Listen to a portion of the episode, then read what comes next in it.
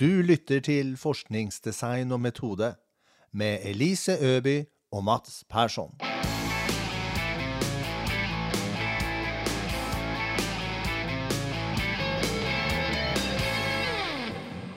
Velkommen til forskningsdesign og metode. I dag skal vi snakke videre om Mats sin 6S-modell, som altså er en modell for litteraturgjennomgang. Og I en tidligere episode så har vi dekka de to første S-ene, som altså handla om å spørre og søke. Så det vi kom fram til da, var at etter å ha søkt og gjort gode søk, så sitter vi med en stor base med litteratur som vi må få en eller annen form for oversikt over. Og da kommer vi til den tredje S-en i modellen, som handler om å sortere. Når vi skal sortere, så er det to ting vi må tenke på. For det første så må vi bestemme oss for hva vi skal ha med videre. Altså, vi må sortere mellom de funn som vi ønsker å beholde, og de vi ønsker å forkaste. Og når vi har gjort det, så må vi sortere det vi ønsker å beholde, på en måte som er hensiktsmessig for oss. Men hvordan bestemmer vi hva vi skal beholde, da?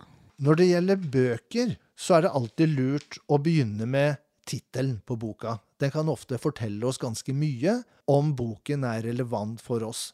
Hvis vi f.eks. er interessert i tema endringsledelse, så vil en bok som handler om endringsledelse, kunne være relevant.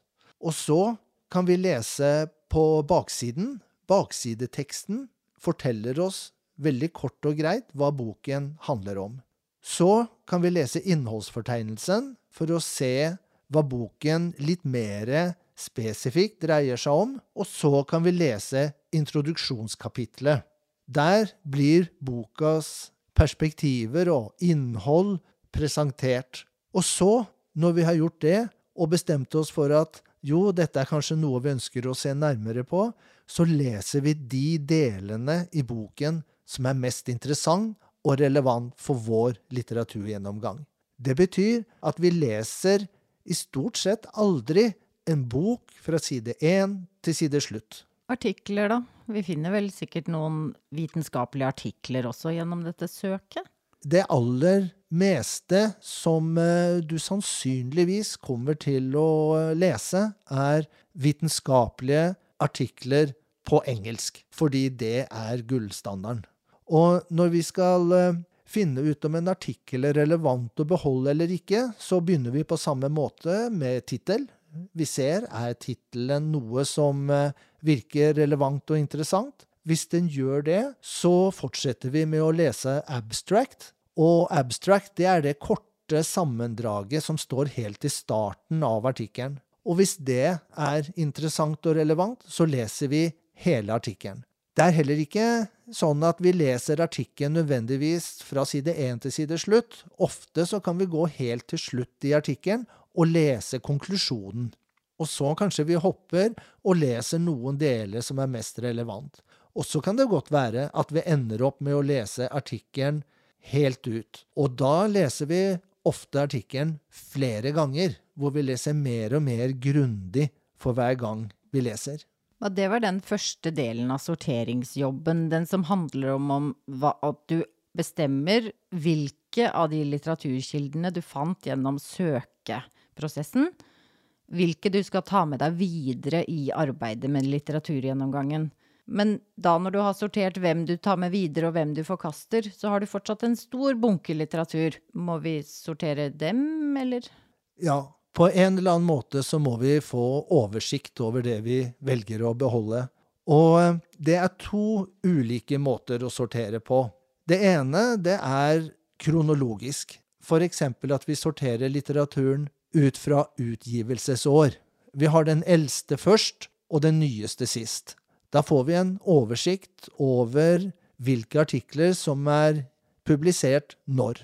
Det kan også være sortert alfabetisk.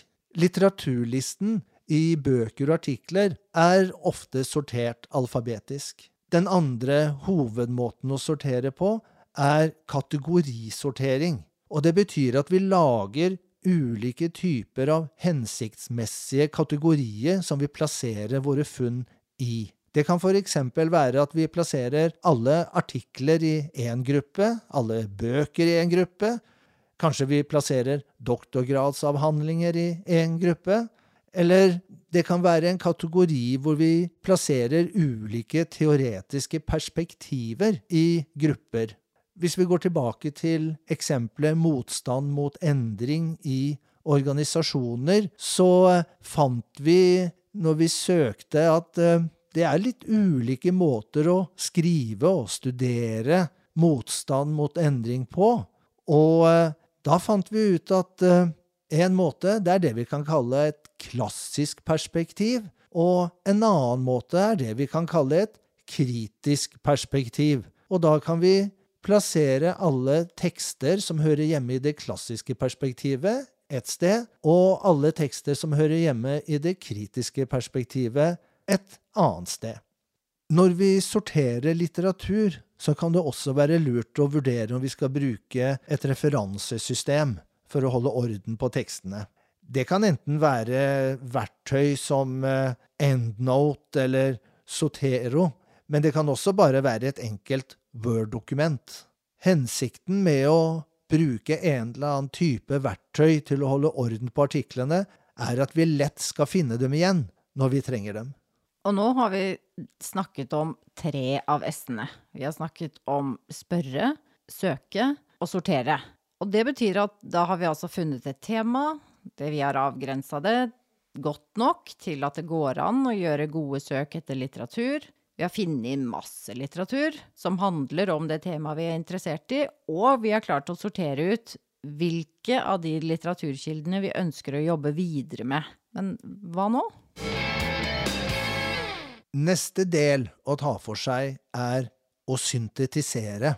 Og det er ofte den delen som eh, studenter jeg veileder, syns er vanskelig. Fordi at her handler det om å vurdere ulik litteratur opp mot hverandre og sette det i en sammenheng. Og syntetisering, det betyr å sammenligne og kontrastere tekster. Og med sammenligning så mener vi at vi ser etter likheter i ulike tekster. Og med kontrastering mener vi at vi ser etter forskjeller eller motsetninger i ulike tekster. Syntetiseringen begynner i praksis når vi sorterer.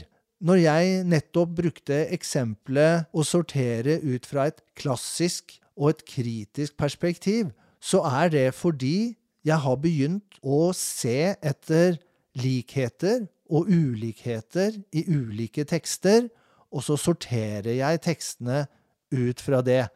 Det er starten på syntetiseringen.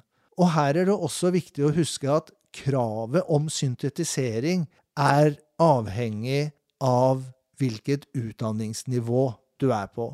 Skriver du en bacheloroppgave og går igjennom litteratur, så er det lavere krav til syntetisering enn på masternivå, og på doktorgradsnivå så er det forventet at man gjennomfører en god og tydelig syntetisering av de sorterte funnene vi har bestemt oss for å beholde, ut fra spørsmålet vi stilte. Forstår jeg da, da riktig at syntetisering handler om at vi ikke lenger bare leser litteraturen og finner ut av hva som står der, men vi analyserer den på en eller annen måte? Ja, syntetisering er en form for drøfting, kan vi si. Men der hvor vi i empiriske oppgaver drøfter funn opp mot teori, så drøfter vi i litteraturgjennomgangen ulike tekster mot hverandre. Men hva er det vi da ender opp med, etter at vi har gått igjennom den delen av eh, prosessen som handler om å syntetisere? Hva, hva, hvor ender vi opp da? Ja, vi kan si at når vi sorterer tekster, f.eks. ut fra et klassisk og et kritisk perspektiv, så lister vi opp ulike artikler eller bøker under hver av disse overskriftene klassisk og kritisk. Men når vi syntetiserer, så utvikler vi dette videre.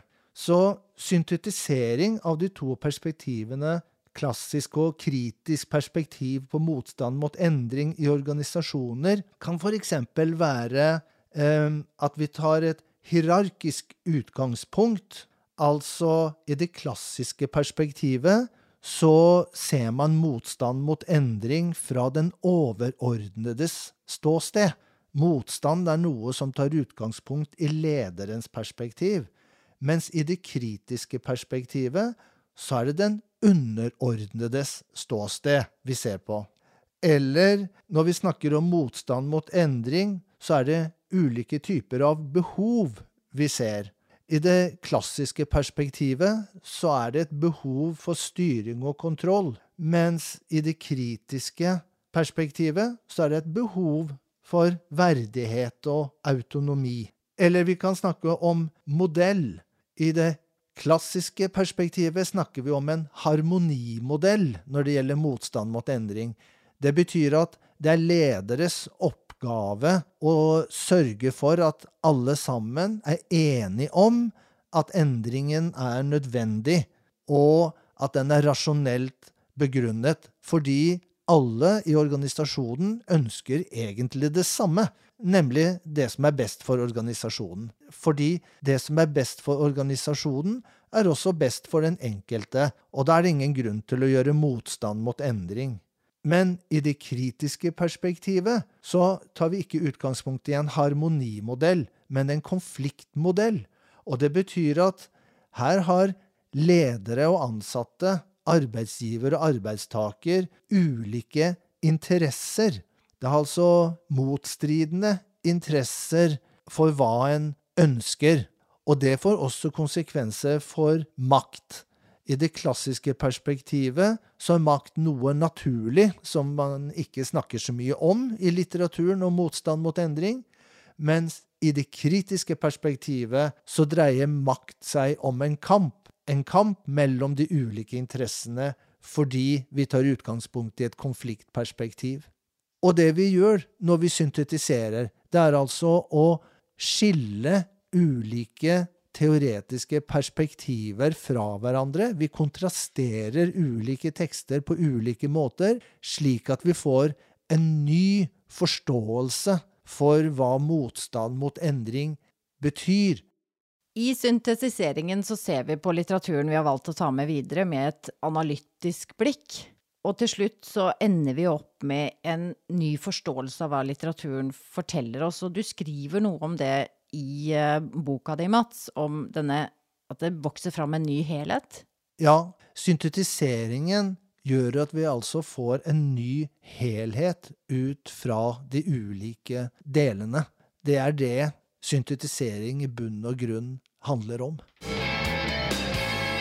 Men denne innsikten vi får, da, denne helhetsforståelsen som vi får gjennom syntetiseringen, det gir oss en ny innsikt, det gir oss en ny forståelse. Men hvordan, hvordan skal vi holde styr på dette? Og da tenker jeg at det er det den neste S-en i modellen handler om, nemlig å skrive. Og skriving, når foregår det? Skrive gjør vi hele tiden i arbeidet med litteraturgjennomgangen. Det er det vi kaller skriveprosessen, mens det vi ender opp med når vi er ferdig med litteraturgjennomgangen, det er en ferdig tekst. Det er altså det vi kaller produktet. Og når vi skriver, så skal vi ikke bare skrive hva vi finner ut av. Vi skal også skrive hvordan vi går frem uh, i arbeidet med litteraturgjennomgangen. Og da skiller vi mellom forskningstekst og rapporteringstekst. Forskningstekst handler om å utvikle dine tanker og din forståelse, mens rapporteringstekst handler om å overbevise en leser om argumentasjonen din, og at det du har å si, er riktig.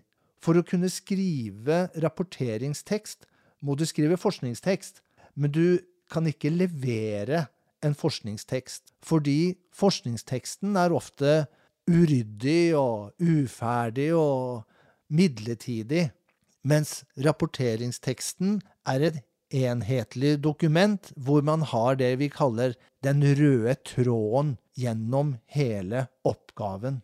Noen ganger så eh, spør studenter meg men skal jeg ikke skrive oppgaven min slik jeg opplevde det, slik det var, slik prosessen foregikk. Og da sier jeg nei, det skal du ikke. Det er ett sted i oppgaven du skriver om prosessen, og det er i metodedelen. Og dette gjelder også i de empiriske oppgavene. Du skal bare skrive forskningstekst for deg selv, og du skriver rapporteringstekst for leseren. I en tidligere episode når vi snakka om litteraturgjennomgang, så skilte vi på litteraturgjennomgang som prosess og litteraturgjennomgang som produkt. Og nå forstår jeg det sånn at vi skriver både i prosessen, og selvfølgelig skriver vi når vi skal lage dette tekstdokumentet som er den skriftlige redegjørelsen for hva du har kommet fram til i litteraturgjennomgangen din. Men den småskrivingen vi gjør underveis, sånne gule Post-It-lapper til oss sjøl og notater i margen på artikler, har den skrivingen noe viktig funksjon?